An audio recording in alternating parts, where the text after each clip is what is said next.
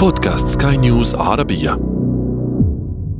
طابت أوقاتكم مستمعينا الكرام. معكم إيمان جبور.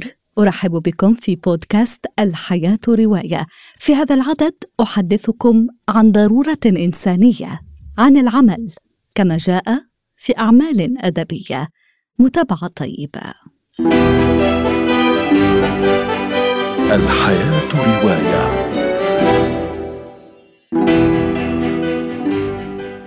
تدرون ما سر النجاح والتقدم في العمل؟ أن نبدأ العمل يقول الكاتب الأمريكي مارك توين. ورغم سخرية توين لا يسعنا إلا أن نتفق معه. شد الحزام على وسطك غيره ما يفيدك.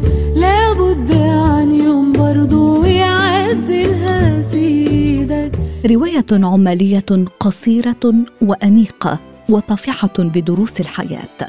مرحبا بكم في المدينة السوداء. The Black City عنوان روايه الأديبة جورج ساند. أحداث تدور في فرنسا ستينيات القرن التاسع عشر في مملكة الحديد والنار حيث يتسيد صاغة الحديد صنع السكاكين والآلات الحادة.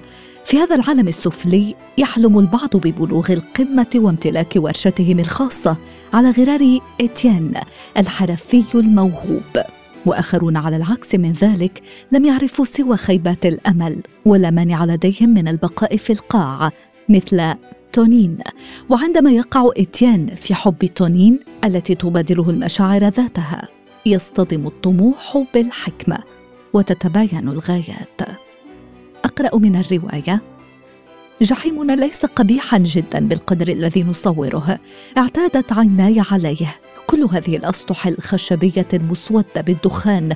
كل تلك الضوضاء التي تشق الرأس والتي لا تمنع الحرفية من التفكير وحتى من الحلم كل هؤلاء الأطفال ملطخون بالسخام وبقايا المعدن الذين يتحولون إلى اللون الوردي مرة أخرى يوم الأحد ويرفرفون مثل الفراشات في الصخور بعد أن كانوا يهرولون طوال الأسبوع مثل النمل حول الآلات نعم كل هذا يرقص أمام عيني ويغني في أذني I got work. If you want to take it, okay. If not, just sit here, that's all. Maybe he needs a thousand men. So he gets 5,000 there and he'll pay 15 cents an hour. And you guys will have to take it because you'll be hungry. بضمير المتكلم يقدم لنا مؤلف روايتنا التاليه نظريته المستبصرة عن عالم الشغل وهو الذي عمل في 42 وظيفة في ست ولايات أمريكية خلال عقد واحد حصل على شهادة جامعية في الأدب كلفت قرضا بأربعين ألف دولار وكله طموح لتأليف روايات عظيمة لكن ما يحصل في الواقع بعيد كل البعد. لا شهادته الجامعية ولا خدمته العسكرية تشفعان له.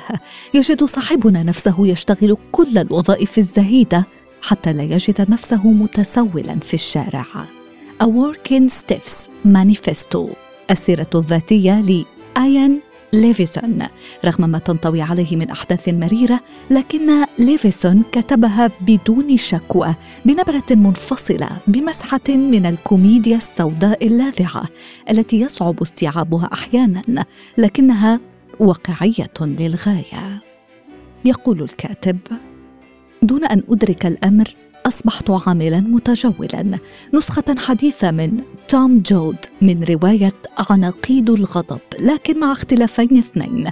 إذا سألتم توم جود عن عمله فسيجيبكم بأنه عامل زراعي. أما أنا فلا أدري. والفرق الآخر هو أن توم جود لم يرمي مبلغ أربعين ألف دولار في القمامة للحصول على شهادة في الأدب. السرد بصيغة الجمع. تعدد الشخصيات؟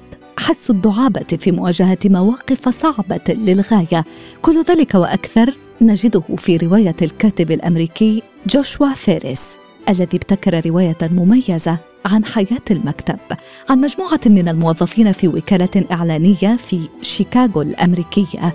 في البداية قد لا تتخيل كقارئ أنك ستتعاطف مع معظم الشخصيات تماما كما هو حال العمل في مكتب في الحياة الواقعية. قد لا تستلطف جميع زملائك في البدء ولكن مع مرور الوقت يصبحون جميعهم بمثابة عائلتك بشكل ما وترتبط المصائر ببعضها كما يحصل في رواية Then We Came to the End. نعيش مع موظفي الوكالة فترة انكماش اقتصادي. نتابع معهم القيل والقال واستراحات القهوة المتكررة والعلاقات السرية والمقالب المتقنة يقول الكاتب. بعض الأيام بدت أطول من الأيام الأخرى. بعض الأيام بدت وكأنها يومان كاملان. لسوء الحظ لم تكن تلك الأيام أيام عطلة نهاية الأسبوع.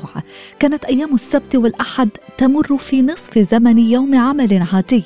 بعبارة أخرى شعرنا في بعض الأسابيع وكأننا عملنا عشرة أيام متتالية. وكان لدينا يوم عطلة واحد فقط.